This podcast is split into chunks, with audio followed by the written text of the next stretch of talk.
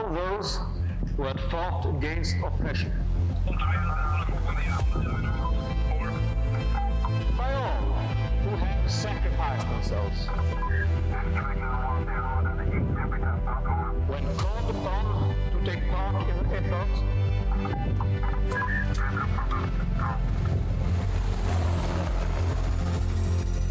for freedom and peace. Det här är podden Tack för din insats med mig, Filip Klinswitch. Att eh, arbeta och verka inom Försvarsmakten eh, innebär väldigt många saker. Men jag tror att en av de mest framstående sakerna är att kunna anpassa sig efter situationen. Att kunna uppfatta vad som behövs göras och när det behövs göras. Att kunna få en helhetsbild och att kunna se till att man efter bästa förmåga gör så rätt och så gott man kan. Detta i synnerhet är väldigt tydligt på utlandsmission enligt många jag har pratat med. Att man åker ner med en bild och sen så möts man av en annan och får snabbt anpassa sig till den nya bilden. Och sen efter bara några dagar så byts bilden igen och så får man göra om hela processen. Min eh, gäst idag har eh, själv fått uppleva lite att man får ställa om sig och anpassa sig. Och eh, Karl, välkommen till podden. Tack Filip, tack. Du har ju varit iväg på mission och eh, har fått anpassa dig lite som jag sa här i början. Ja, det stämmer. Det var... Eh, jag tänkte vi ska börja lite kort innan vi går in på själva missionen och bara kolla lite vart du kommer ifrån och hur du är uppvuxen och vad som fick in dig i det militära egentligen. Absolut, absolut. Som sagt, mitt namn är Karl Strandberg. Jag är uppvuxen i Göteborg Eh, med eh, min mamma framför allt då. Eh, mamma och pappa har varit skilda då sen tidig barns barndom så att säga då.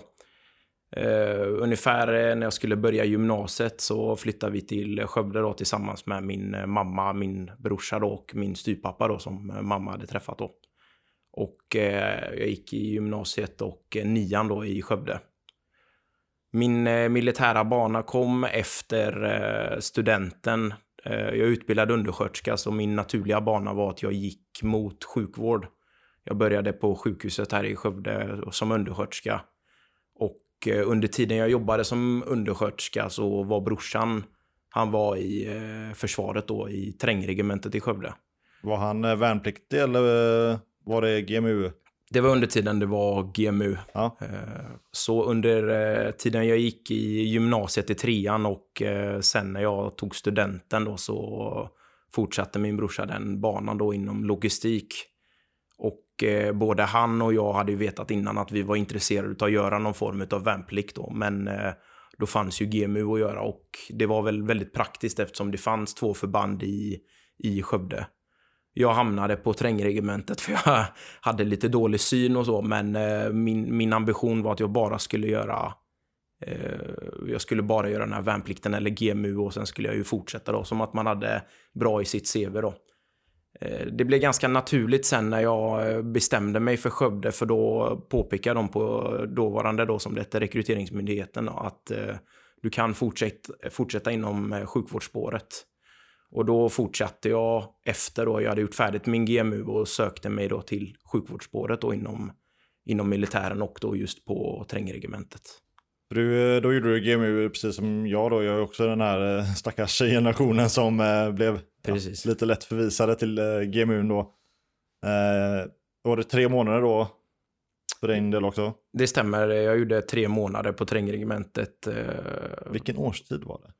Ja, det var under januari till eh, april. Ah, Okej, Tror- men då har vi haft, det var samma för mig då, så då kan Ja. jag relatera.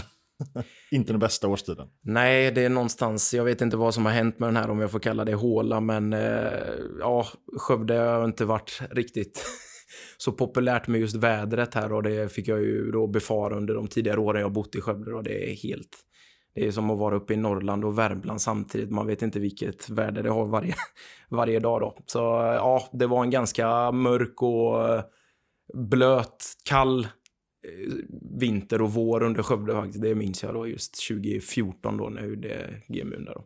Ja, Jag gjorde ju det 2013, men jag blev förvisad till ännu värre än Skövde. Mhm. Och det var ju Kvarn. Ehm, Kvarn, för den som inte varit på Kvarn, så kan man ju säga att det, det är ju en det är, det är lite en, eh, ett övningsfält och eh, man kan säga att de värnpliktiga behöver inte man behöver liksom inte ha stängsel runt själva förläggningen. För att om du ska gå därifrån eh, på bondpermis så har du några ensamdygn framför dig innan du hittar någon form av civilisation. Jag har själv inte varit i Kvarn, men det, de ryktena verkar stämma som jag har hört utav mina kollegor som har varit i Kvarn där. Och men ett bra övningsfält. Ja, det, det, har jag hört. Det har jag hört. Okej, okay, men du, du gjorde GMUn och då fick du reda på det direkt att du skulle att, att du kunde börja på sjukvårds, eh, var det sjukvårdspluton då eh, för dig eller? Det var eh, initialt var det att under tiden jag gjorde min eh, mönstring så sa de att jag kunde gå över till sjukvårdsspår och då sökte jag mot ett sjukvårdsspår då, men i slutet på eh, själva GMUn så berättade de att det inte fanns några platser men att självklart kan ni fortsätta att göra den här BFUn, befattningsutbildningen och eh, FSU FSUn då, fortsatta soldatutbildningen på sex månader. Men tyvärr då så blev det att de tre plutonerna som gjorde GMU att vi bara kunde välja två spår. Det var fullt under den tiden då eh, inom sjukvård. Och eh, då fortsatte jag vidare då mot eh, transportsoldat i sex månader. Men därefter då i slutet, då berättar de att nu kommer vi öppna upp ansökan då till eh, eh sjukvårdskompaniet då som hette första sjukvårdsförstärkningskompaniet. Och då fanns det tre, tre spår, man, fel, eh, fyra spår man kunde välja där. Men då började ju den utbildningen och man eh, kom till dem i slutet på november då, 2014. Och kort därpå, eh, i början på 2015, så gjorde jag min sjukvårdsutbildning eh, här i Skövde också då. Okej, okay, så du började som, du gjorde en utbildning som transportsoldat och sen så kom du över då till ja. eh, sjukvårds? Tekniskt sett så blir det ju, när jag ser tillbaka på det, att man kände sig lite halvlurad där. Men eh, alltså när man hade gjort färdigt sin GMU på tre månader då, så skulle man hoppa in i sjukvård och, och fortsätta. Men jag ser det som att, att den här GMUn plus BFUn och FSUn då, som blir ju totalt nio månader, de tillsammans blev som en värnplikt för det jag gjorde i, som transportsoldat eller det jag utbildade mig till. Det, det var väldigt liknande det jag skulle göra i den plutonen jag kom i sjukvård sen. Jag fick ju lära mig att köra lastbil och, och hela den biten och det höll jag ju på med sen i sjukvård också. Eh, jag gick mot en kirurgipluton och där skulle man ju också vara förare för man skulle kunna köra den här tunga materielen vi hade då, det stora sjukhuset vi satte upp.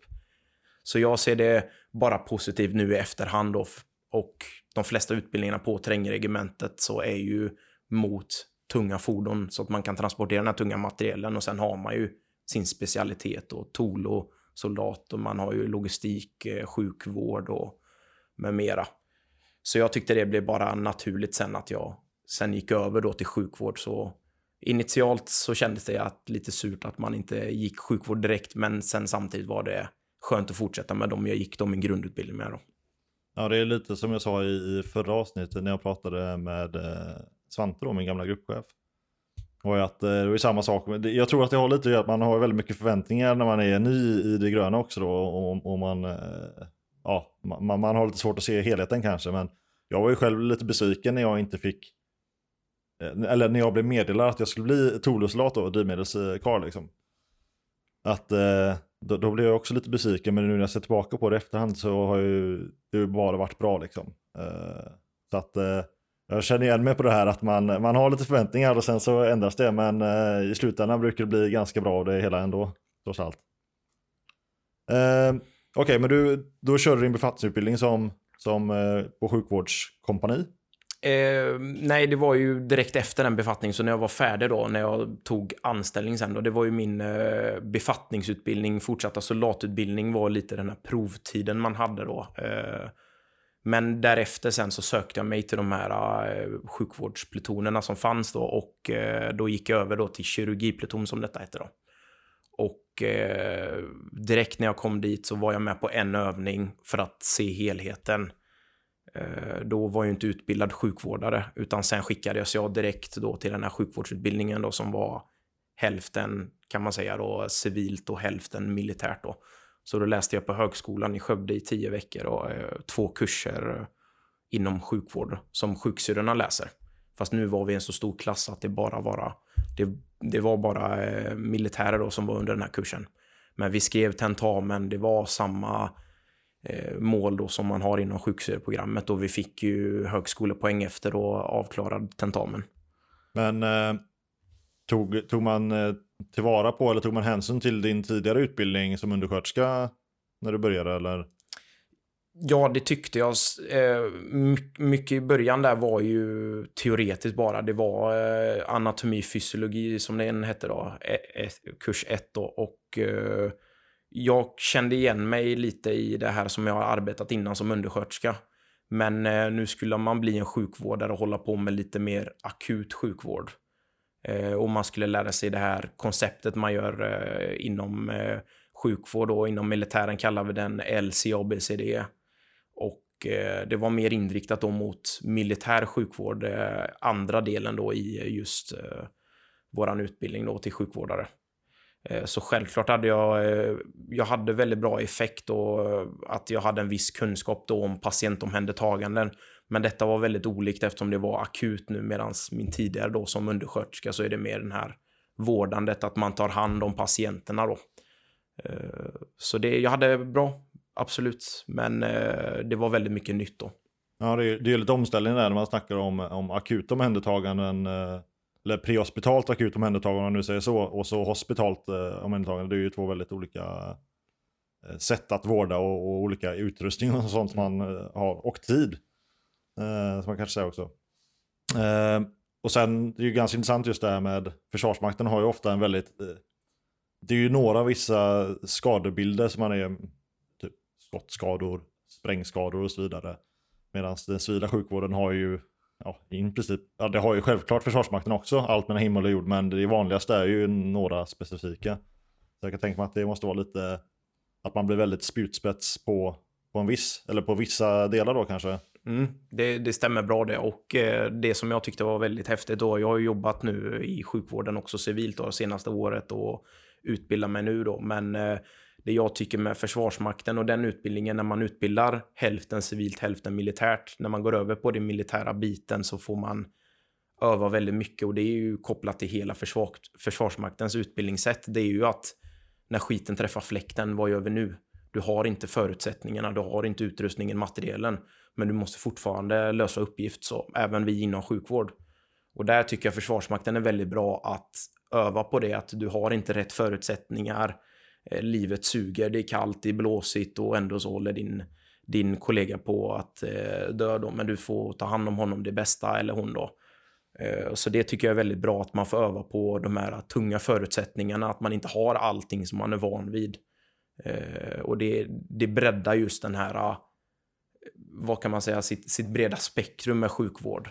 Tills att man sen kommer in till sjukhuset, har allting och eh, en bäddad säng och så. Det är lite train hard, fight easy man brukar säga. Det stämmer bra det det. Men eh, vad hade du för ambitioner då när du, när du väl började ta, eh, eller när du tog anställning och, och, liksom, och började ta spåret? Vad var din ambition eh, i, i försvarsmaktssyn då liksom? Mm. Eh, det blev ju något litet nytt, eh, lite ny eh, kan man säga motivation sen när jag kom in på just sjukvård. Eh, jag hade inte så mycket planer där när jag fortsatte min eh, soldatutbildning där, FSU, BFU, utan jag kände bara att jag vill fortsätta med, med militären. Eh, men jag vet inte riktigt vad jag vill göra. Men sen jag fick den här sjukvårdsutbildningen så tänkte jag, men nu vill jag ändå fortsätta i Försvarsmakten, se vad jag kan göra. Och eh, jag tyckte själv personligen att eh, jag var inte världens bästa sjukvårdsman i början tyckte jag inte, men jag hade ambitionen och ville göra bättre. Eh, och jag hamnade i en väldigt bra pluton då, där jag och min kollega då, som gick också utbildningen och vi hamnade bland eh, väldigt duktiga soldater och sjukvårdare som hade jobbat i fyra, fem år då. Det var ganska ovanligt och för alla militärer jag hade jobbat med innan låg på samma nivå som jag gjorde. Och man fick även träffa just de här doktorerna, sjuksyrrorna, jobba med dem i, i själva det konceptet. Så det blev att, att jag hade inte riktigt ett, ett mål vart jag vill hamna, men jag kände att jag trivdes väldigt bra och ville utforska mina möjligheter då som, som sjukvårdare och se vad jag kan göra då. Eh, och jag tyckte det var ett väldigt roligt jobb då som, som eh, jag är fortfarande ung men som jag var ännu yngre då. Vad, vad var det där möjligheter där såg du då? Eller vad, vad såg du att det var på väg eh, för dig? Eh, alltså inom kompaniet eller? Mm.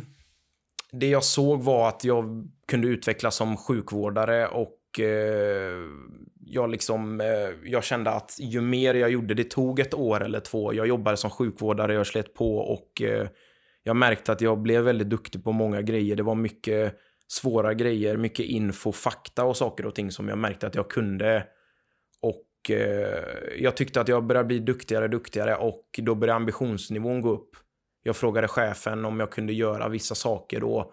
Det var vissa småtjänster som kom upp som eh Eh, sjukvårdsberedskap då när eh, kadetterna skulle ha vissa skjutningar och sånt. Jag ville direkt vara med på dem och det blev att det trappades upp då att jag fick de här uppdragen och eh, jag tyckte jag löste dem med bravur eller det som förväntas av mig och jag tog på mig lite extra ansvar. Och då märkte jag att gör jag de här äh, uppdragen som man får då eller eh, som cheferna får och man gör dem bra, då fick jag nyare, nyare, nyare och jag gillar ju resa, jag gillar ju att vara på olika ställen och testa nya, nya saker och det ledde mig bara till nya, nya, nya spännande uppdrag då. Och eh, det var så jag såg det, att, att jag ville bli väldigt duktig sjukvårdare. Eh, som sagt då. Var ni ute mycket på övningar, eh, alltså vad säger, egna övningar, inte, inte som Eh, assistent eller inte som biträden och sånt, men alltså som, som helkompani och liknande? Mm, vi var väldigt eftertraktade då. Eh, trängregementet är ju med väldigt mycket eh, generellt sett övningar. Sjukvården var med också då. Vi tillhör ju då som sagt då bataljonerna då på trängregementet, då, eller bataljonen då på trängregementet. Och när det var övningar så märkte jag att det var väldigt intressant då att titta på vad sjukvårdspluton gjorde.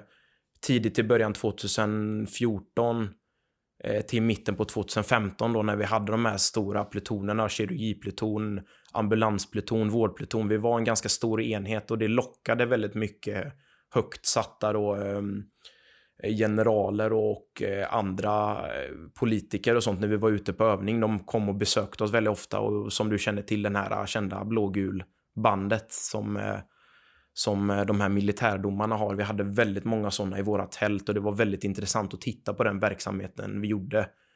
Eh, och eftersom då kapaciteten var väldigt lik det civila då, eftersom de här läkarna och sjuksyrrorna då jobbar ju på likadant sätt eh, som de gör då när de jobbar civilt då, fast i, i militära kläder. Så det var väldigt intressant då för många högt satta att komma och titta på vad vi gjorde och man vill alltid ha hur resultatet blev. Alla var liksom nyfikna på, gick det bra för den här patienten? Vad är den kapacitet? Och, och så. Det fattade man då att det var väldigt mycket eh, på det hållet. Då.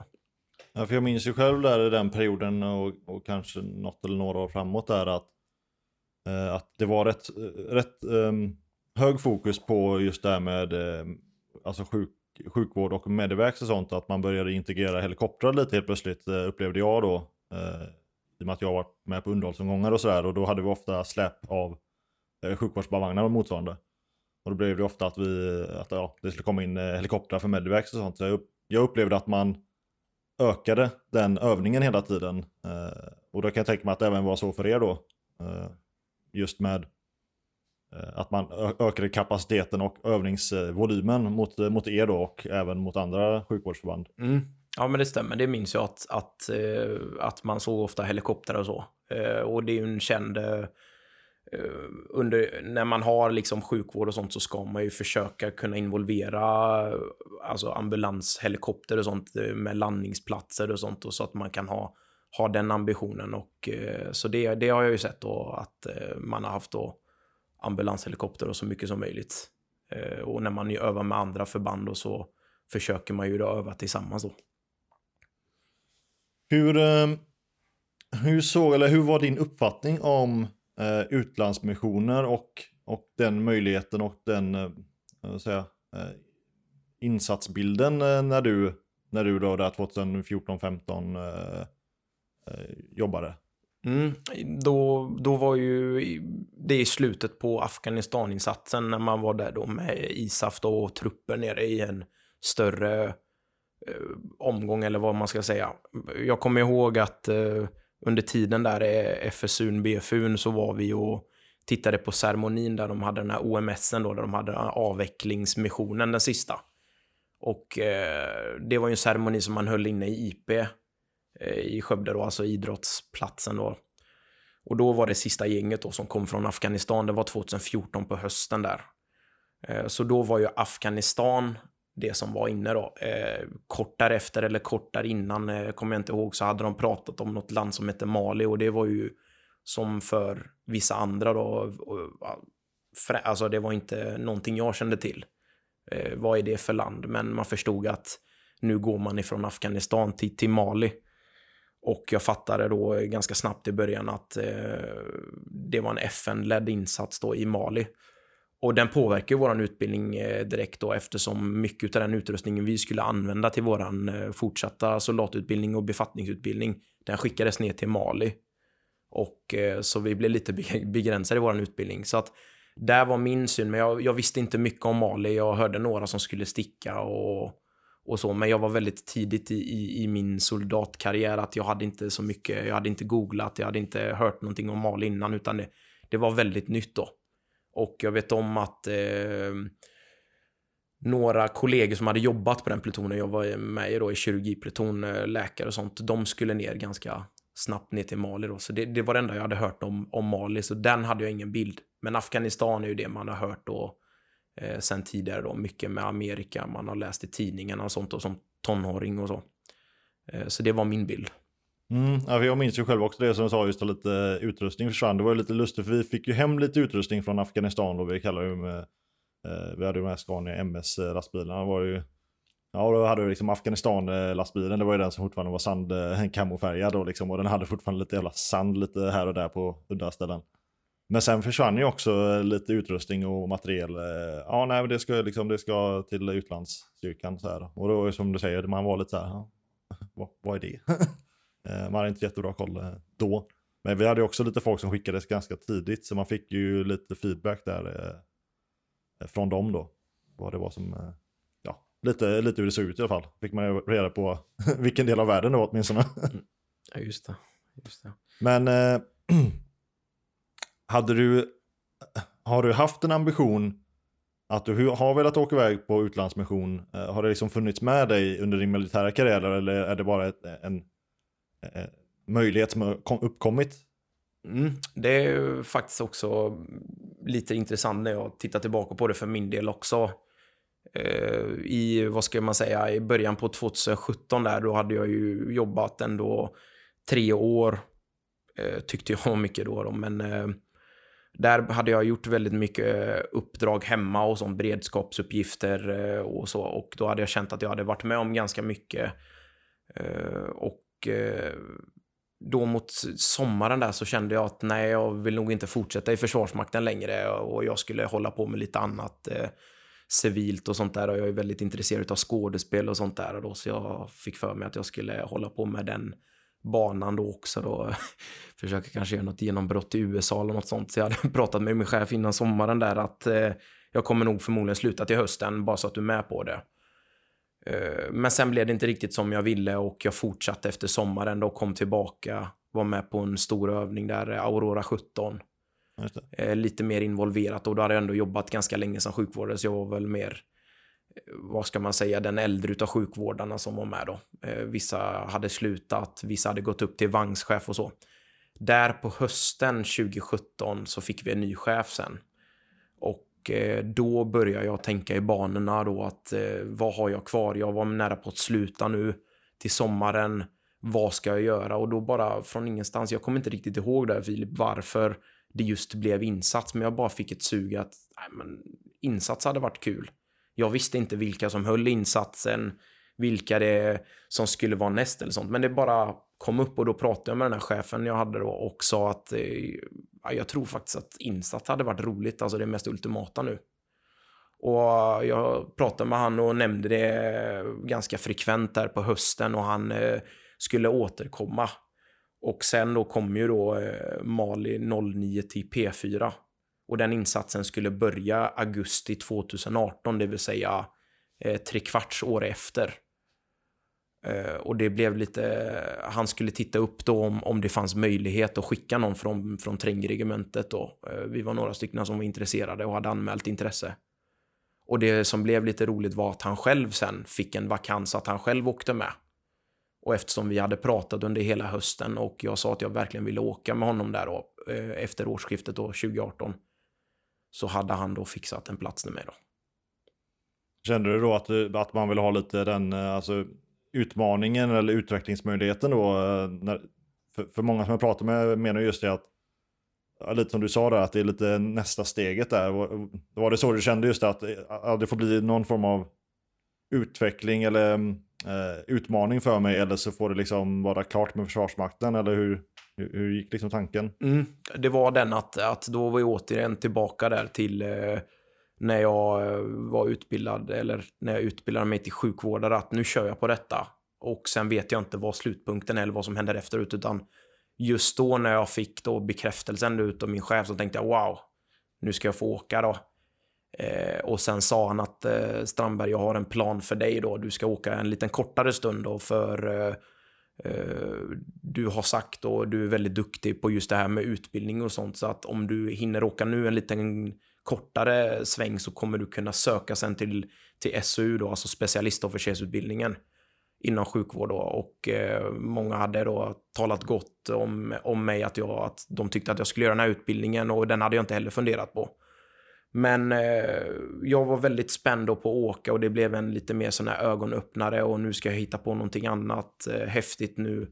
Nu har jag ändå stått och, och gjort min sjukvård på samma regement i tre år och nu ska jag utbilda mig och galtutbildningen kom och, och det var väldigt, väldigt häftigt. Men jag kände direkt när jag började då den här utbildningen, galtutbildningen att wow, det är kul att jag får åka nu den, den här korta stunden, men där redan då i början kände jag att fasiken, jag hade ju velat åka hela, jag vill ha hela kakan då.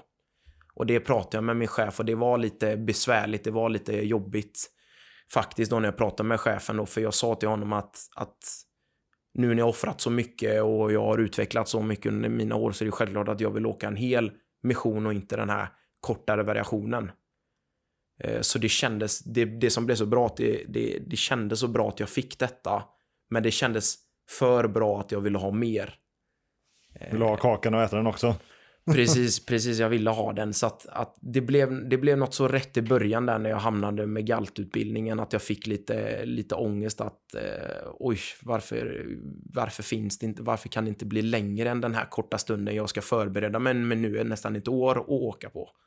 Och det sa jag till min chef jämt. Kan du inte skaka fram mer tid? Kan du inte skaka fram en plats? Kolla om det är någon då. Eh, man kan sopa sanden i Mali om det finns någon tjänst där eller något sånt. Jag vill vara där längre tid än vad jag fick då. Så det blev lite den här girigheten, men det var inte någon negativ girighet utan det var bara att jag blev så sugen på att, att göra detta för jag tyckte det var ultimata då. Eh, och det, det kom jag till där och eh, att, att det blev längre så jag fick lite som jag önskade då. Eh, men jag utbildade mig där från sommaren 2018 när det var så varmt och när det brann i hela Sverige. Och sen på hösten i augusti då började missionsutbildningen där. Vad, ehm, vad ingick i era missionsutbildning då för din del? Vad, vad var det ni behövde göra? Eller du behövde göra? Mm. Eh, den officiella starten på missionsutbildningen var eh, i augusti. Eh, men eftersom eh, eftersom jag skulle vara förare så behövde jag börja lite innan. Så att jag började faktiskt, kan man säga lite inofficiellt då med att jag skickades i eh, redan i mars, april någonstans där. Så sa min chef då, jag var inne torsdag, en torsdag, en tråkig dag. Och så öppnade jag då eh, rummet in till, eller dörren in till Beffat där och så sa chefen, ja Strandberg du ska eh, på lastbilsutbildning på måndag. Jaha, jag har ju lastbil. Varför då?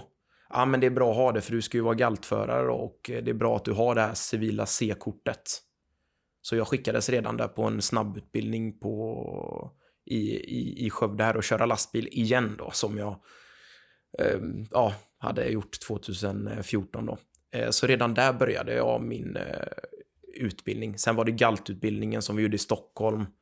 Eh, det var så många som skulle göra då i, i, i Skövde. Det gick en stor galtutbildning i Skövde som jag tror Karlsborg tog hand om då, K3. Men det var för, för lite plats där så vi skickades då vi inom sjukvård och, och några till skickades till Stockholm faktiskt till Livgardet och hade utbildningen där. Och jag, jag är bara glad då för att det, det var sommaren, det var mycket från utlandet, mycket generaler som kom, så hela livgardet var fullt med generaler och högt satta folk då, så att eh, de sa det, tyvärr, ni får inte bo på kasern här, men vi har bokat hotell till er. så, oh, nej, vad jobbigt. Ja, det var nej. Och vi bara, ja, men hotell är gött då. Och då var det så ja, men gött att bo på hotell en vecka. Då, nej, sa chefen, det är sex veckor. Så, hopp, sex veckor hotell då, det är väl, det är väl inte så, så tråkigt då i, i mitten på juni, juli där då. Ja, det var riktigt gött då. Så där började då eh, själva utbildningen eh, för oss då som gick den här galtutbildningen då. Fantastisk utbildning då, hade väldigt roligt. Väldigt mycket ångest för att eh, ja, men lite så förutfattade meningar och jag vill inte gå en fordonsutbildning igen och alla de här kedjorna och allting. Man ska slänga ut fordonet och räkna den här skruvmejseln som alltid är borta och men det var en riktigt rolig utbildning faktiskt. Jag, jag gjorde det med nöje där och inventerade varenda mutter på den här galten. Och jag är inte fordonsintresserad då, men det, det, det blev bra med galten typ. Då. Jag, jag gillade det fordonet ändå. Får jag säga då. Det finns säkert lyssnare som inte håller med mig då. Men Så där var min start då på utbildningen. Då. Hade ni, i och med att du åkte som, du åkte, skulle åka som sjukvårdare var tanken va? Ja. Då hade ni ingen särskild utbildning på vapensystem eller hur såg det ut för er del? Mm. Jo, det kom faktiskt därefteråt då. Ehm, som jag var beväpnad i Mali, det var ju som de flesta soldaterna kan man säga då. Jag hade ju min eh, automatkarbin och jag hade då min eh, pistol. Och eh, sen har man ju de här tillbehören då till vapen då som man behöver ju också utbildning i då. Det här laserpekaren om jag får prata civiliska då. Och eh, vi hade mycket monotolvutbildning och sånt och så vi kunde eh, se och verka i mörkret. I slutet på missionsutbildningen då, då hade de faktiskt redan stuckit då. Då eh, skickade de eh, mig då och eh, min grupp då, eller min vagn på en pistolutbildning som eh, eh några i P4 höll då en intensivutbildning. Så vi fick eh, block A då som det kallas då i pistolutbildning. Eh, så vi fick den då innan vi, vi, vi stack då. Men annars så är det, för oss då var det bara de här systemen.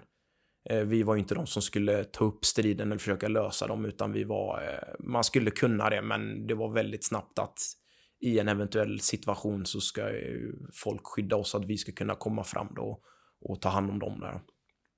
Så nej, ingen specifik vapenutbildning för oss då.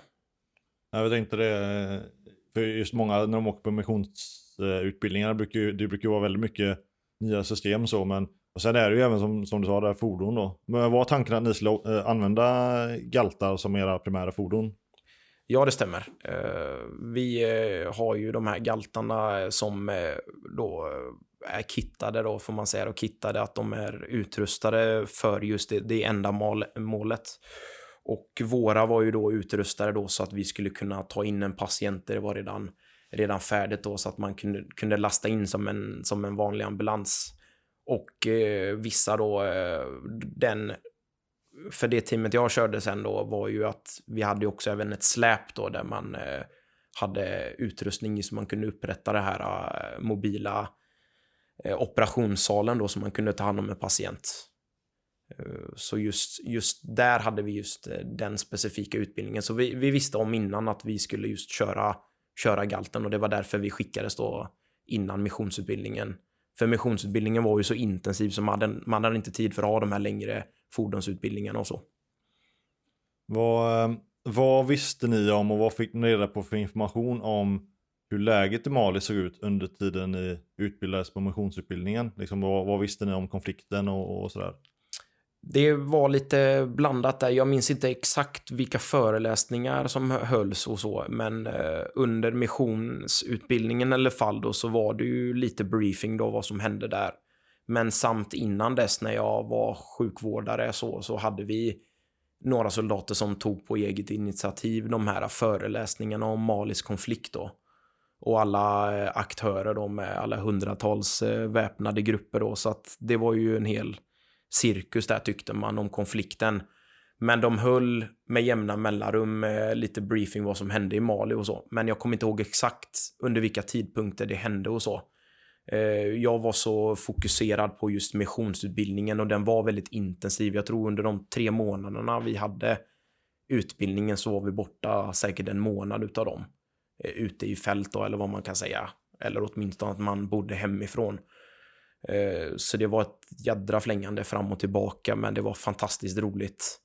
Eh, men lite då och då, vi var inte okända med det, men eh, på soldatnivå kom inte jag ihåg detaljerat vad jag hade, men jag vet om i alla fall att, att cheferna och sånt fick då den här informationen hur det går för Mali 08 och de var säkert på besök och sånt där. Men ja, det var lite när, när vi samlades alla i hela Mali 09 då så fick man information i Powerpoint då, då det nya läget då i Mali.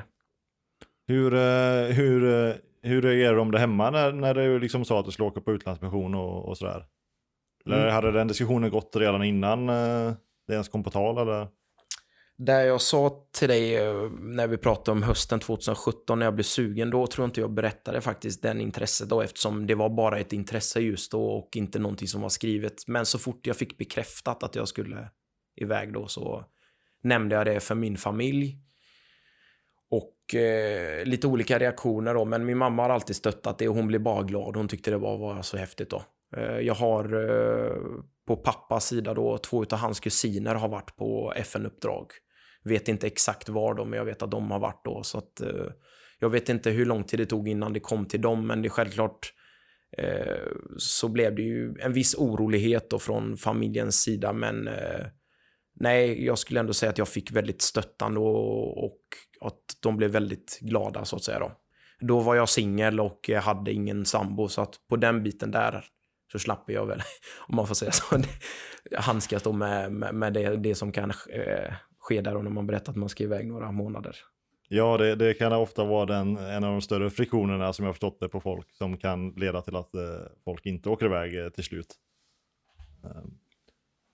Okej, okay, men när du är färdig med din eh, missionsutbildning, var det då en väntetid för dig eller hur såg det ut där? Eh, kan du berätta lite om hur, hur det ser ut?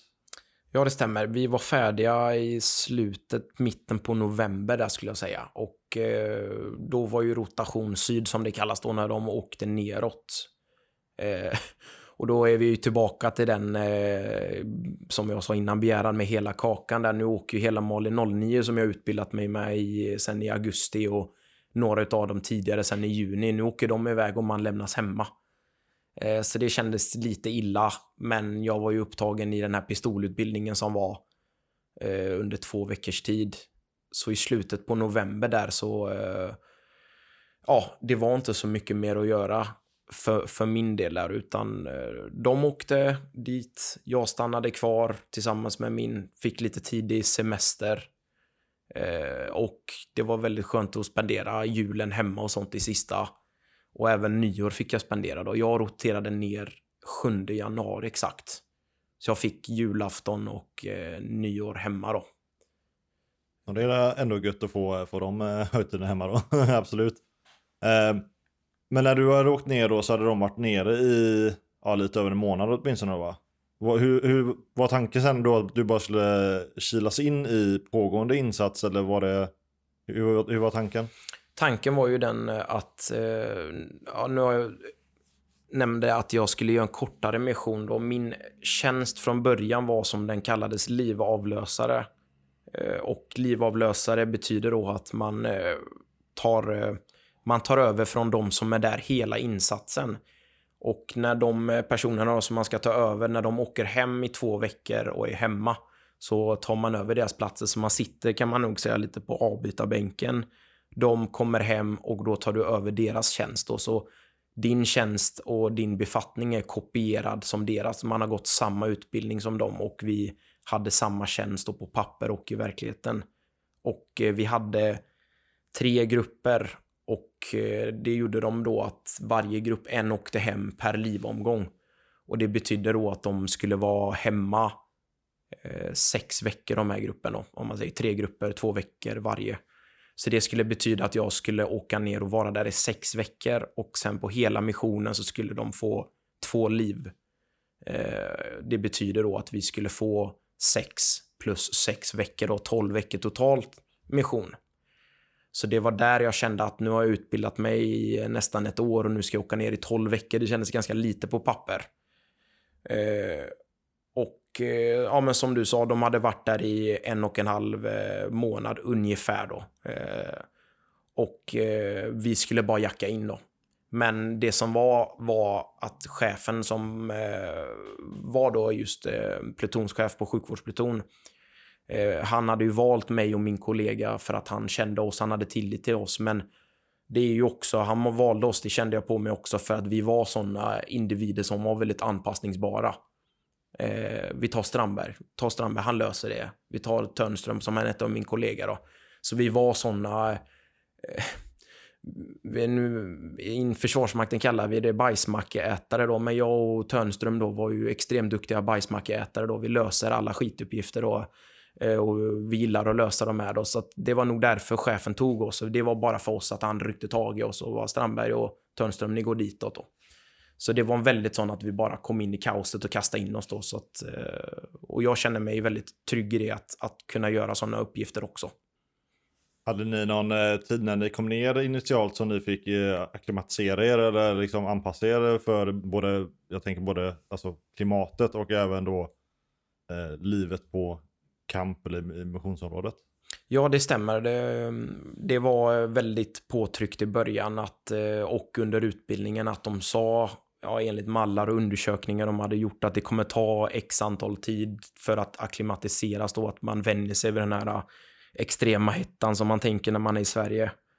Och eh, de var väldigt noggranna med att vi skulle ta det lugnt i början då. Vi skulle motionera lite men inte för mycket då man då hade det som intresse. Eh, så det var de väldigt noggranna med i början och att vi då kom lite tidigare får jag ju säga än innan första gruppen lämnade då som vi skulle ta över och eh, så att vi skulle vänja oss då och prova. Vi åkte ut med några också som kom nya från första början det var många som kom nya där också då som eh, skulle också akklimatiseras. Och vi åkte ut lite runt då Timbuktu och kollade läget och kom in då. Vi blev varma i kläderna. Men det var väldigt fint omhändertagande i början och som sagt där då, eh, Filip, så var de ju där en och en halv månad och det var verkligen att de nästan tog tag i, i, i skjortan på en och var Strandberg följ med här, här ska du bo, här är dina väskor, vi har löst detta. Så de hade ju tid för detta att lösa så vi, det blev ett väldigt bra omhändertagande. Det var inte så mycket frågor när man väl kom på plats då, så det, det tackar jag väldigt mycket för att det, att det löste så bra. För det var verkligen att här ska du vara, peka dit och sånt och ja, man bara installerade sig väldigt snabbt då. Ja, det är ju skönt att det var så pass eh, anpassat. Man har ju hört eh, olika missioner haft olika eh, eh, mottagande och möjligheter. Eh, ja, återigen då, eh, förra avsnittet med Svante, han, han, han, skulle ju också fått en acklimatiseringsperiod berättade han, men han, han fick ju knappt 24 timmar tror jag innan han slut började köra lite operationer och sådär. Så det är skönt att höra att, att man har lärt sig anpassa sig lite kanske. jag förstår. Jo, eh, perioden jag kom ner i också kan man ju också säga, det var ju lite kallare då, det skulle gå mot varmare. Eh, sen, sen, det är ju lite personlighetsdragsmässigt och det, det, det, känner ju många till som har varit i missioner att vissa människor är generellt alltså temperaturkänsliga när det kommer både minus och, och plus då. Jag vet om i Sverige då är det ju väldigt kallt eh, där jag har det lite svårare då. Förfry, eh, vissa förfrysningsskador, sen barnsben och så vintern trivs inte jag i då, kan bli lätt kall då, men jag är extremt, kände jag redan när jag kom till Mali i början att det här är ju inte så farligt då. Så jag kände att jag i varm miljö funkar som handen i handsken då, då med allt, all min historia med bastu och sånt då. Där det ska kännas som helvete sällan då. Jag hade ju min, eh, min kära stiftspartskamrat som är uppvuxen i Jämtland. Han åkte också ner till Mali. Och där är ju, det var ju liksom som att och försöka skicka ner en snöboll eh, dit. Eh. En, en person som är lite mer anpassad för kallt klimat. Så det var väldigt kul att prata med honom lite då och då och höra han eh, klagade och åmade över värmen. Mm.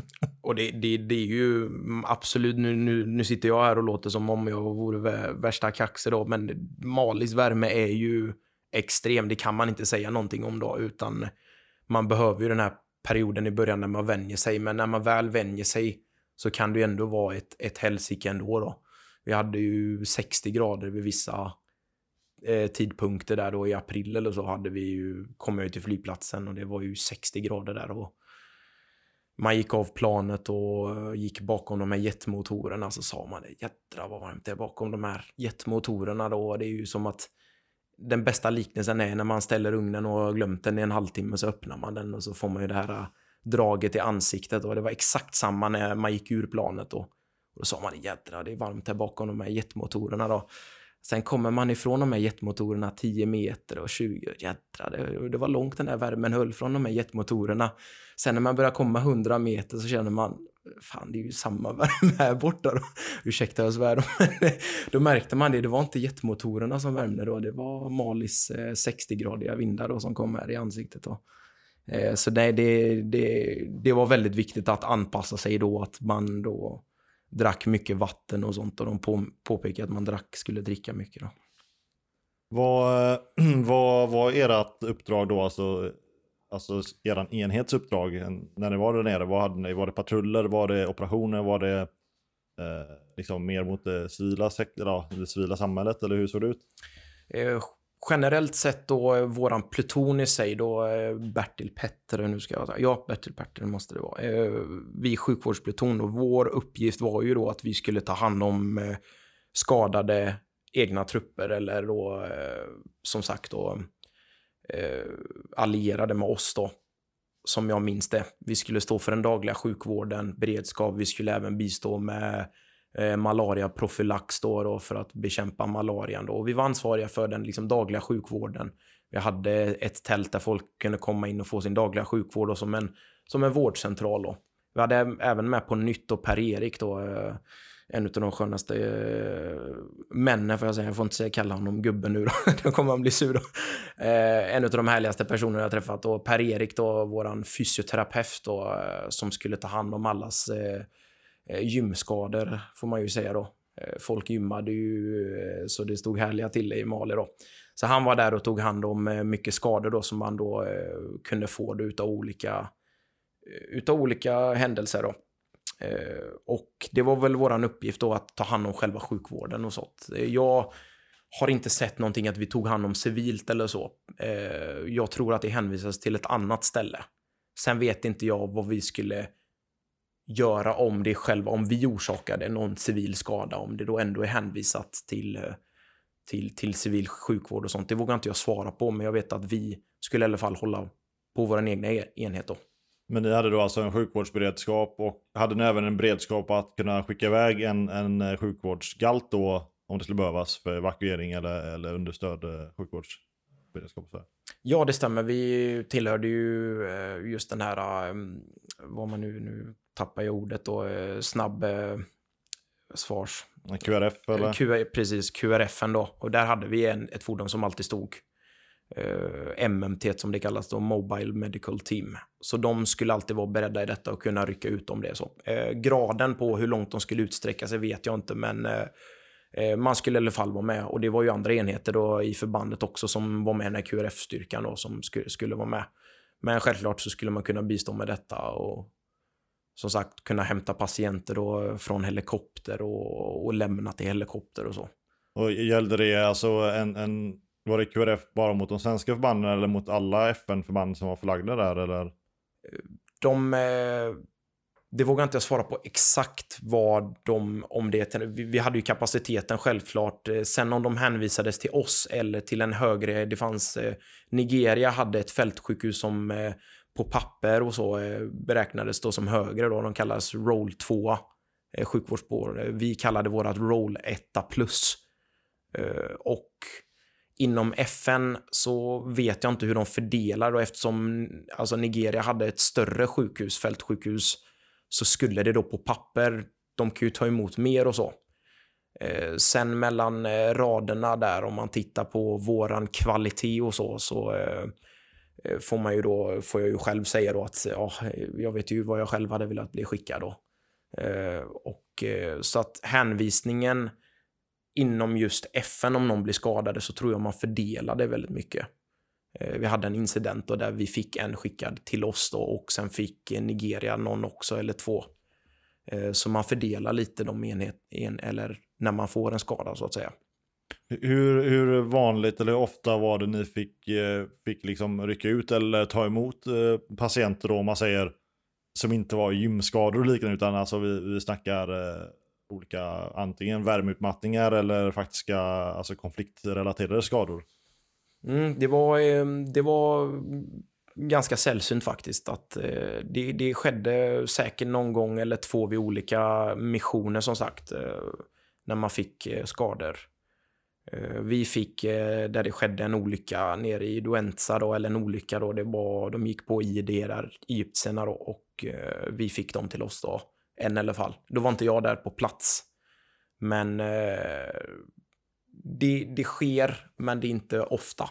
Utan det är den här vardagliga sjukvården som man tar hand om och som, som tar upp det mesta. Då. Per-Erik jobbade ju på för fullt, för fullt med sina då, eh, patienter och som sagt då. Eh, så så det, var inte, det var inte ofta det hände, men det, det skedde, gjorde det absolut då. Ehm, Jag vet ju att du var, att du var iväg på, på en operation och sådär. Hur, hur ofta var det, jag tänkte vi kan gå in på den alldeles strax här, men hur ofta var det som ni åkte utanför kampen då och var aktivt med på, på operationer? Var det ofta eller var det, var det den här eh, operationen? Ja, jag skulle säga att Malin 09 hade väldigt tur med det här med just operationer och så. Eh, om man kan betrakta det som att göra någonting. Jag vet att eh, om man får säga att, att rasta ett förband är ju viktigt på ett sätt. Och, eh, att man får komma och göra olika saker. De som har varit i Mali och andra missioner där man är på kampen, ett, ett kamp, det kan bli väldigt frustrerande för vissa av de individerna som kanske vill göra någonting eller som har den bilden att nu ska vi ut och lösa saker och ting, nu ska vi ut till, byarna och sånt. Och sen får man vara på kampen i flera veckor innan man ens får komma utanför grindarna. Jag förstår den frustrationen eh, och jag såg den lite hos vissa soldater som fick uppleva samma sak. Men Mali 09 fick från början till slut väldigt många operationer. Då. Jag kan inte säga exakt, eller jag minns inte exakt hur många, men det var väldigt frekvent och de låg ganska tight innanför varandra. Så Malin09 var väldigt trötta, sletna när man kom hem ifrån att man hade varit väldigt mycket på operationer. Då. Jag själv fick också vara delaktig i det då, som eh, de här operationerna. Då. Eh, och jag tycker i efterhand när man tittar på det att det är värt allting. Då. Jag tyckte det var väldigt roligt och det var precis så i efterhand jag ville att det skulle bli. Men jag hade ingen förväntning att det skulle bli så. För som sagt, och jag sa ju den här att jag skulle vara den här avbytaren som skulle byta av mina kollegor. Hur, eh, hur stora eh, hur, sto, hur stora var omgångarna som ni rörde er med när ni var ute på operation? Vi var ett eh, ISR-förband då, eh, Intelligence, eh, Surveillance och Reconnaissance-förband Eh, kallades vi då. Vi skulle ju inhämta information, vi skulle titta över läget. Alltså med andra ord att titta vad som händer och inhämta information då. Eh, så eh, manskap kan jag inte exakt då, men vi var någonstans där mellan 15-20 fordon som åkte ut då. Så det var en ganska stor konvoj som åkte ut då, och tunga i sig då. Det, det var ju en muskelspänning samtidigt också då. I lite avskräckande effekt och lite visa upp att det här är vi och nu, nu är vi här och sånt då. Och få en, en lägesbild då. Eh, Så, så det var ungefär själva storleken i sig då.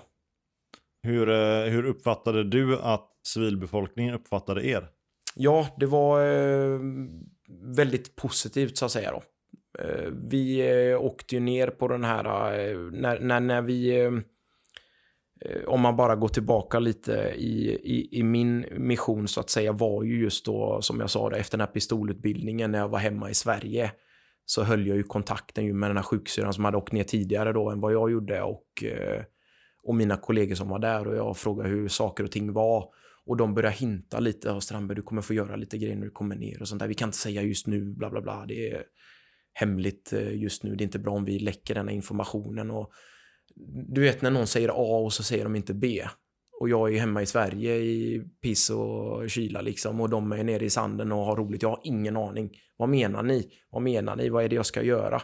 Äh, det säger vi när du kommer hit. Alltså. Och när jag kom ner då så fick jag ju beskedet att jag ska förstärka då den här operation Folon som det var. Operation Folon var ett, en paraply eh, paraplymission kan man säga. Det var flera missioner i ett. Eh, då var den hemlig att vi inte skulle avslöja vad vi skulle göra eller för att inte då röja då vad, vad vår intention var. Nu har den gått ut, nu står det i tidningar och så. Men där var det att vi skulle åka ut till massa byar där det skett mycket hemskheter då mellan två stammar. Eh, och eh, när jag kom ner då så fick jag reda på att jag inte skulle vara avbytare längre. Utan jag skulle vara en extra förare för den här sjukvårdsenheten som heter eh, Forward Surgical Team. Och då skulle jag då istället då för att den här min gruppchef, att han ska både köra fordonet, vara medicinsk ansvarig och den här gruppens chef då, så tog han bara att han var medicinskt ansvarig, eller sjukvårdsansvarig då. Och så fick jag köra fordonet. För det var ju att, annars så hade ju då, det hade min kollega initialt då, men eh, hon fick ju då både ta hand om två fordon plus två släp. Så då bestämde min chef att vi skickar ner Strandberg till den här äh, gruppen då, så får han vara förare och ta hand om fordonet där. Så att ni får en extra man. Och det var kopplat då till just operation Folon, men då jag fattade ingenting när jag kom ner. Det var så här, jaha, du ska ut, eh, Strandberg, du kommer få din önskan uppfylld där. Då. Du bad om hela kakan, nu kommer du få den också då. Så du ska köra med den här gruppen och ni kommer få informationen ni behöver, men var beredd på att du kommer spendera några dygn i öknen då. Ja, berätta lite mer om själva alltså, operation eh, Fordon då och lite ja, vad ni gjorde och vad, din upplevelse av det och så här. Mm. Eh, operation Folon då, då, vi har den här minnesboken där det står eh, lite roligt då, och eh, ni som känner någon som har varit nere i Mali 09 så kan ni ju be om den här minnesboken då, där ni kan titta på eh, lite bilder, lite intressant då. Vi har ju även på YouTube när de berättar just om den här operation Folon, men generellt sett om man gör det stora drag så var det just den här konflikten som skedde mellan de här två stammarna. Jag vågar inte säga exakt vem det var som begärde att man skulle ner dit eller så, men det vi fick i alla fall att det måste skickas ner ett förband dit som har möjligheten att inhämta information och titta varför den här eh, varför detta sker som det sker då, den här konflikten. Och man då skulle sen skicka in den rapporten då, ja, jag vet inte frågeställningen exakt vad de ville, men vi skulle titta över och inhämta information om just den här konflikten. Och Operation Folon var ju som sagt uppdelade i små operationer. Så vi skickades ner dit, det var en helsikes eh, stor då, logistisk eh, operation först, där vi skulle skicka ner fordon ner till Sevare först. En eh, stad då, som ligger nära det här området. Där på en FOB då skulle vi utgå ifrån och köra ner till de här byarna och inhämta information. Eh, så jag skickades ner ganska snabbt då till Sevare, till en, en kamp de hade suttit upp där nere då, en, en FOB så att säga, en Forward Operation Base. Och där skulle vi vakta lite och vara lite sjukvårdsberedskap då, jag och några kollegor. Och sen då så skulle jag stanna kvar där och ingå just i den här stora konvojen som jag berättade om tidigare då. Eh, så det var några timmar, så nästan en halv dag eller en dag körning då innan vi kom ner till de här byarna. Eh, då började ju allting då. Och då ingick jag i den här stora konvojen då som sjukvårdsberedskap tillsammans då med det här Forward Surgical Teamet. Då. Och hur, hur länge pågick detta för er och vad... Vad förväntade, eller hade du några förväntningar när du väl fick reda på detta liksom? Eller, eller hur, hur, hur mottog du det?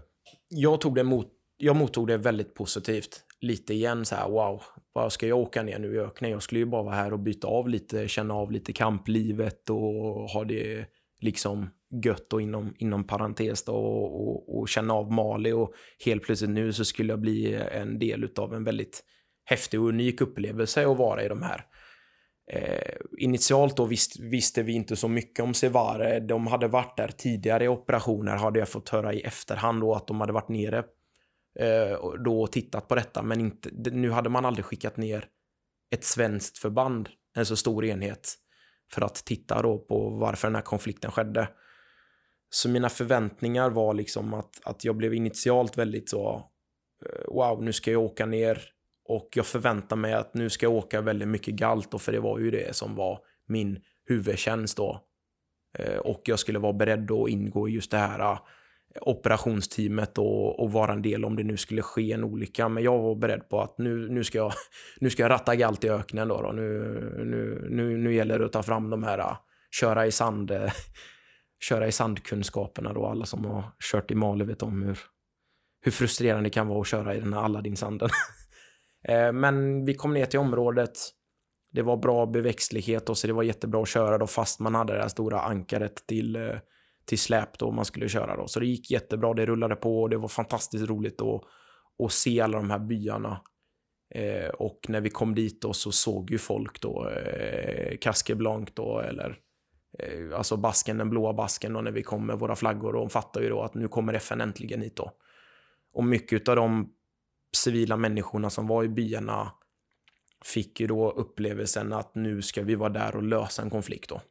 Medan vi hade inställningen att vi ska hitta en lösning tillsammans, eller ni ska hitta en och vi ska övervaka denna och se till att ni, ni har möjligheten. Och, Eh, så det var mycket tackapplåder, många som gjorde mycket gudatecken och sånt och när vi kom in till byarna då. Eh, det var väldigt mycket vinkar då till, till barn och, och, och, och eh, damer och allt möjligt och mycket vink tillbaka och glada miner. Då. Så det var, det var, det var surrealistiskt att åka genom byarna och se alla de här människorna då, men det var fantastiskt då.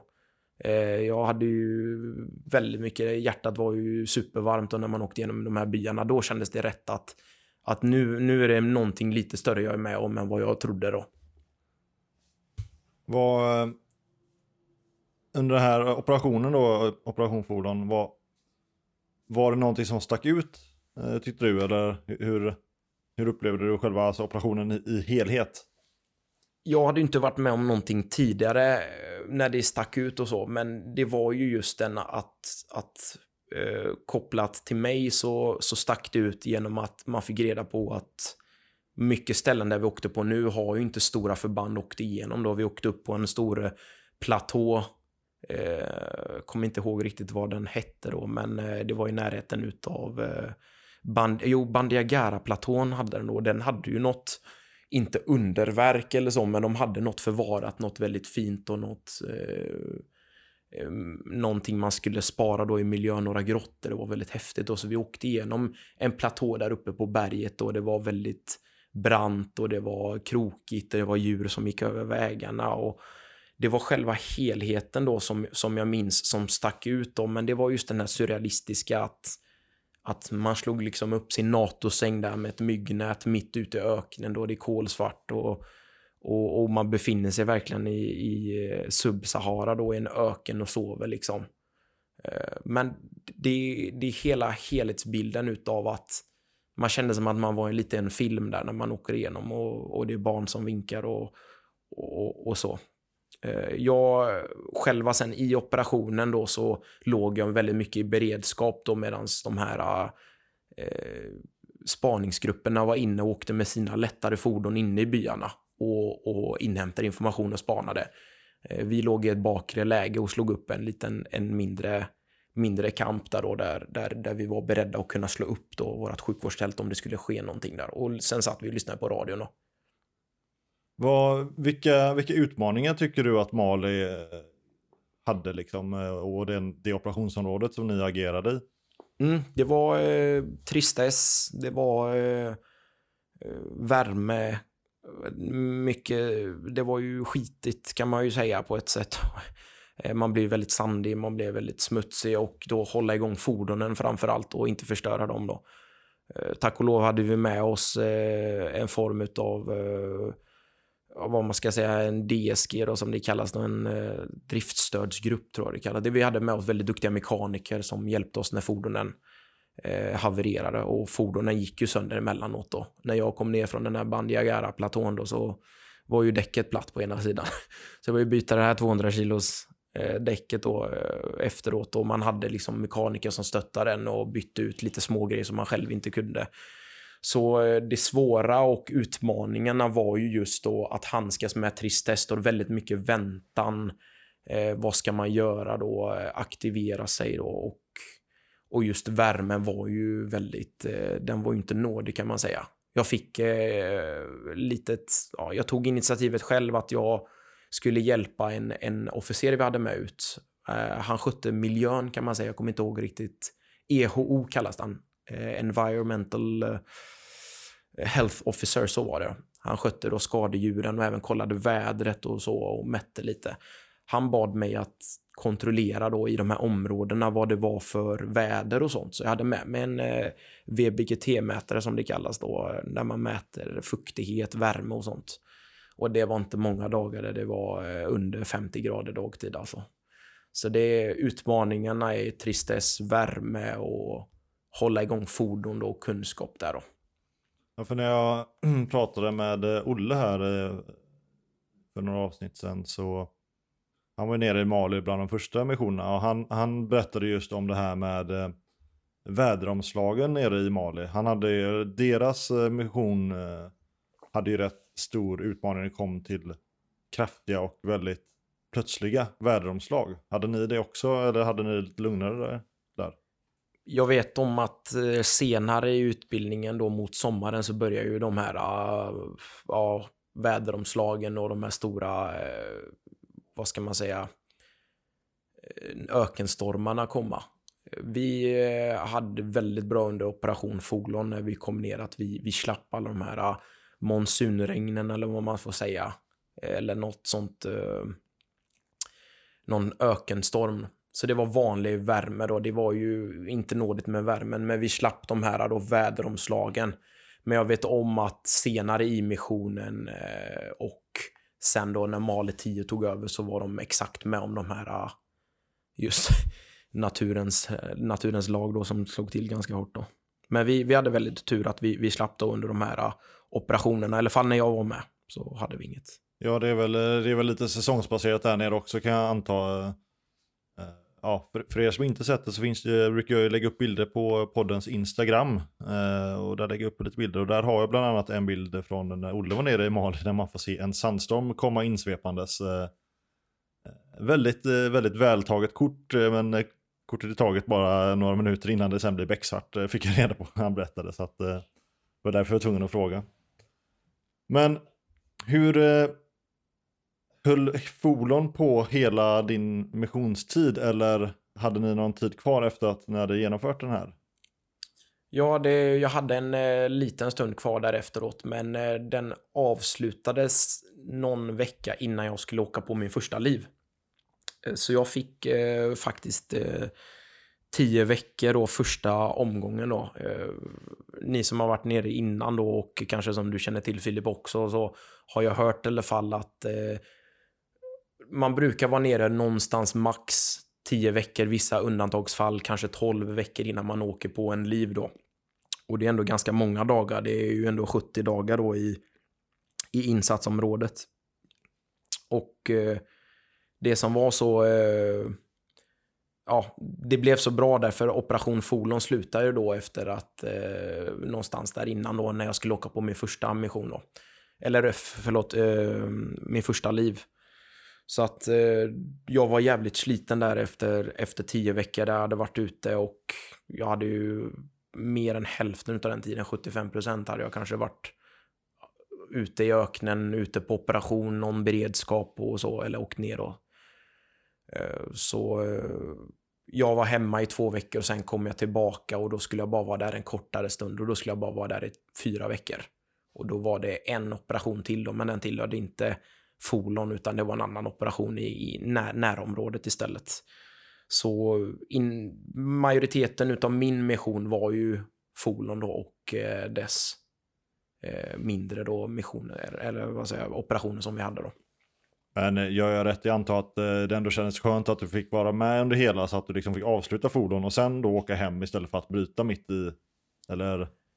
Ja, det stämmer. Eh, jag sa ju att jag var ju sån avbytare eller livavlösare. Eh, en av eh, de här operationerna vi hade i Folon så var jag ju då på kampen kvar då. Då skickade de ner ett annat team istället för mig då. Då fick man ersätta mig då med en annan förare och sjuksköterska då som tog över. För jag skulle ju då ingå i, den här de som, som vi bytte med då, som, som, som jag skulle livavlösa, de åkte ju hem till Sverige. Och eh, de tillhörde inte den här, eh, de som var nere på Operation Folon. Så att någon var ju tvungen att vara kvar på kampen och ingå i den här eh, MMT och QRFen. Så där, mitt i operationen, där fick jag vara, eh, vara på kampen i två veckor. Men det var en ganska skön period för den, den andra operationen som de åkte på, den var ganska tufft och det var Folons tredje eller andra eh, operation då hade de åkt, de åkte väldigt långa sträckor. De kunde sitta i tre timmar och köra då. Den var väldigt långa sträckor åkte de. Eh, så jag är inte ledsen att jag missade den, men det hade varit kul att vara med på den också, så kunde man säga lite kaxigt att jag var med på exakt alla då. Så där var det jag missade då mitt i allt då, men jag såg det lite som en, en stund att vara på kampen då. Eh, det var väldigt lugnt läge då för att halva förbandet var ju borta och vi andra som var kvar då, vi hade ju lite gött och lite ledigt på gymmet och vi tittar mycket på, på, på film och sånt där. Och jag, jag satte igång ett projekt och, och, och bygga en stor, eh, vad ska man säga, en, en skylt då in till våran, vårat sjukvårdstält då. Så ni som har varit efter Malin 09 då kanske har sett då den här, eh, ja, lite svartbyggda skylten in till, till sjukvårdstältet då. Den byggde jag under den tiden jag var hemma då. Eh, så det var roligt då för vi hade en utav officerarna som gick förbi varje dag och räknade upp hur många tusentals kronor jag hade slösat på att bygga den varje dag då. Så sa han det. Strandberg, nu har du varit, nu har du hållit på med den här i en vecka nu då. Kostar ju, du kostar ju tusen spänn om dagen nu så den här skylten kostar ju 7000. så, han, så han skämtade lite om det. Så, ja, ja, det fick bli det då. Men, men det, där var den perioden då där jag missade då själva att vara insats då. Men vi var ju med på kampen och hörde vad de gjorde och så. Vad, eh, hur såg det ut sen när du väl kom hem från Mali, eh, när det kommer till det militära engagemanget då liksom? Kände du dig färdig med det eller liksom, hur, hur, hur, hur, var den, hur gick din tankegång? mm. Eh, jag fick ju ett större sug då. Den här mättnadskänslan då för att åka igen då. Jag tyckte det var så bra i Mali och jag trivdes väldigt mycket. Jag var inte beredd på att trivas så bra som jag gjorde och allting jag såg gjorde och sånt. Eh, det var väldigt roligt och jag tyckte jag gjorde det väldigt bra och fick mycket positiv respons med de jag jobbar med och Att, eh, att, att det var ett väldigt gott jobb jag gjorde och jag tyckte de gjorde också ett bra jobb. Och det gjorde jag när jag kom hem sen till Sverige så får jag ju faktiskt erkänna att jag kände en liten liten eh, sån, inte utelämnad känsla, men det kändes som att man lämnar någonting väldigt bra och så känner man jaha, vad ska jag göra nu då? Jag var he hemma och var ledig i fem veckor. Och det var ju det som var ungefär kvar på hela eh, Mali 09 var ungefär fem veckor och hade de kvar på sin tid då. Och det var ju en tuff, tuff tid för dem då, för då skulle de genomföra en operation till. De skulle göra den här hoten då, så handover, takeover till Mali 10 som skulle komma. Så det var många som, eller många skulle jag inte säga, men det var några som kom fram till mig där och visste att jag skulle åka hem där mot slutet och sa Strandberg, fan det hade varit gött att åka hem med dig nu så jag, slippa hoten och sånt då. Folk var ju trötta då. Men när jag kom hem så kände jag mig lite så att jag hade lämnat något bra och jag visste att det kommer vara svårt att hitta något liknande igen där och då fick man lite den här inte sorgsna känslan men det kändes som ett litet slutkapitel på någonting man aldrig kommer kunna få igen då. Eh, så det var faktiskt lite, lite tufft där att känna att nu har jag kommit högst upp på vad jag tycker är, är häftigt och en bra grupp och sånt och nu kommer jag inte känna detta igen då. Och, eh, men det blev att jag fick den här känslan att shit, jag vill ändå testa att göra någonting liknande igen då och då fick jag den här känslan att nu har inte jag varit med från första början till slutet här. Även om det kan vara tufft med den här hoton med början och sånt så kände jag att jag vill vara med från första punkt till slutet liksom. In, som en bok liksom, introduktionen till slutorden då. Så att jag blev väldigt sugen på att göra en mission igen, men initialt i början så, och det har jag fattat lite nu, att jag sökte någonting likadant då, fast jag visste att jag inte skulle kunna hitta någonting likadant då. Men och, och, och, du har inte blivit någon mer mission för dig sen 09 eller har det legat någon i pipen? Ja, det har varit ett litet eh, olyckligt svart får där då, men eh, när jag kom hem sen så eh, eh under tiden jag var i Mali så tackade jag till en utbildning som jag påbörjade eh, SOU, alltså specialistofficer och jag kände ganska snabbt i utbildningen att jag fick erkänna lite för mig själv att eh, eh, nej, jag tycker detta verkar vara en väldigt intressant utbildning, men jag ville åka på mission så jag anmälde mig till att åka på trängregementets eh, Mali 11 och 12 då, för jag kände att jag nu vill vara med min, äh, mitt regemente åka. Men på grund av att de redan hade tillsuttit de här, jag gick en utbildning då, SOUn, eh, för mitt förband så prioriteras det väldigt högt då.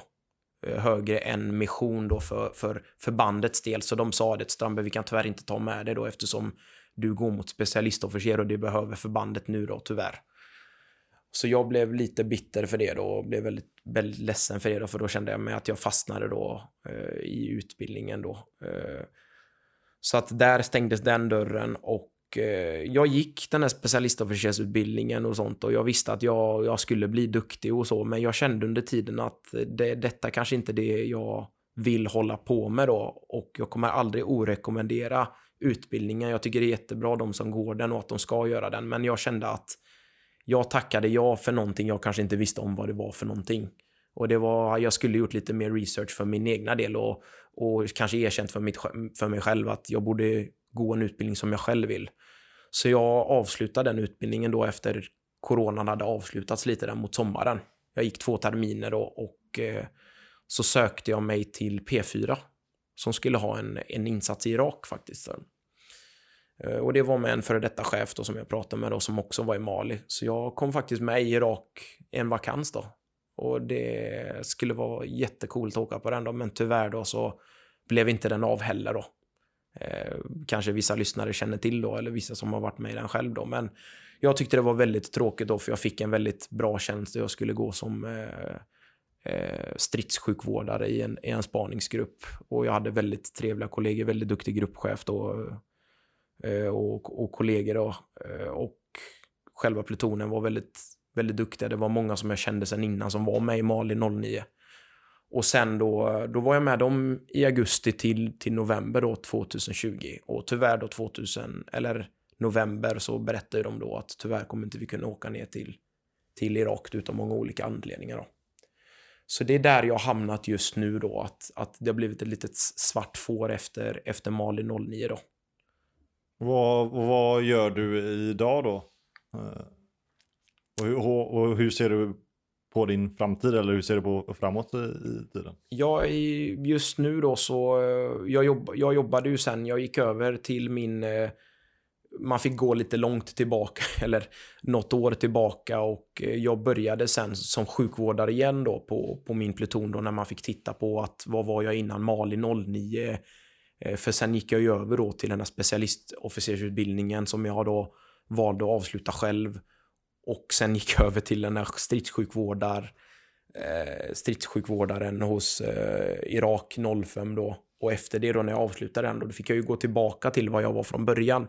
Så jag var sjukvårdare igen på trängregementet och där då fick jag ju då eh, eh, vara med faktiskt en insats i Sverige då, eller när vi förstärkte Göteborg med, civil, eh, med militära ambulanser då i coronan. Så jag körde ambulans i Göteborg från december till eh, april i år då. Eh, och då körde vi med sjuksyrror och vi körde ju riktiga patienter och sånt. Och det var väldigt, väldigt spännande och jag är så väldigt tacksam jag har svårt att se vad som skulle hända om jag hade åkt till Irak istället. Jag, har, jag känner ju av den här känslan att jag hade verkligen velat åka till Irak, men då hade jag ju missat också samtidigt den här insatsen som jag gjorde i Sverige då med att köra ambulans då för, för det civila samhället. Eh, men jag körde där i alla fall, det var jättekul och där tände också lite den här ah, känslan utav att eh, med sjukvård, sjuksyra kanske jag ska hålla på med då. Eh, Ambulanssjuksyra är ju ändå intressant då. Och det finns möjligheter i framtiden nu om jag skulle vilja kanske åka på någon mission eller så. Så jag jobbade på där och jag jobbade till sommaren och jag sökte under våren till sjuksyra för att testa och se vart jag skulle ligga då i, i, i min ansökan och jag fick bekräftat under nu i sommar då att eh, jag kom in på, på sjuksköterskeutbildningen här i Skövde. Så jag tackade ja till den och nu läser jag då sjuk, sjuksköterska då.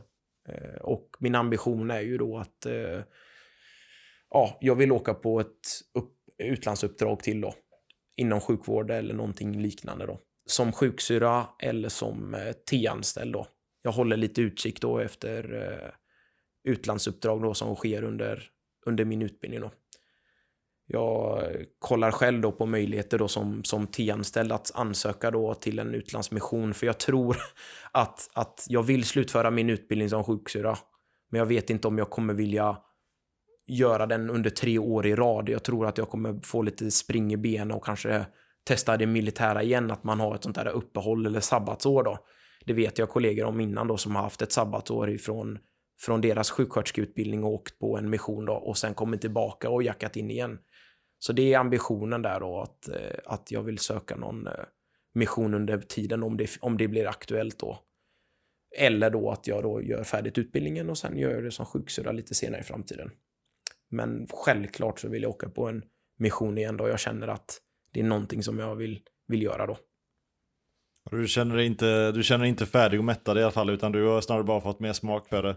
Mer smak, men jag skulle säga att, att mer smak i den betydelsen att, att jag, jag, jag är inte någon missionsjunkie eller man säger att man bara vill åka iväg för sakens skull. Jag har haft väldigt många chanser med bra människor och kollegor att åka med och missade dem tyvärr utav då olika anledningar som jag själv inte har kunnat styra då det här med Irak och så. Eh, och eh, den mättnadskänslan har ju inte mättats då att, att få åka då och jag vet inte vad som händer efter om jag får nu chansen att åka på en mission, om jag blir sugen på att åka mer. Men det jag ändå känner nu att jag vill åtminstone åka på en till i alla fall nu när jag är ändå lite yngre om jag får säga så. Eh, jag har sambo och man vet inte vad som händer i framtiden med, med familj och barn eller hur det går att lösa på det hållet då. Så att jag känner att det finns större möjligheter nu då än att behöva kompensera mycket i framtiden och så.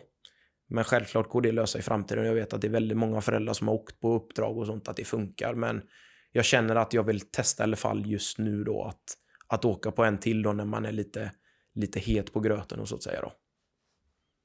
Eh, avslutningsvis, finns det någonting som du skulle vilja nämna eller ta upp eller någonting som vi inte fått med? Ja, det är väl... Eh, Youtube har ju lite klipp och sånt då på just Mali 09 då, insatserna i, i, i, eh, i Mali. Och det är ju inte bara ifrån Mali 09 som jag var med på, utan det finns väldigt bra klipp där de förklarar då. Jag tror det är Combat Camera som har gjort dem, men det är ju Försvarsmakten som har laddat upp dem då. Och där kan man få en liten, liten briefad del utav det som, som har skett och så. Eh, annars så är det ju sådana här poddar och eh,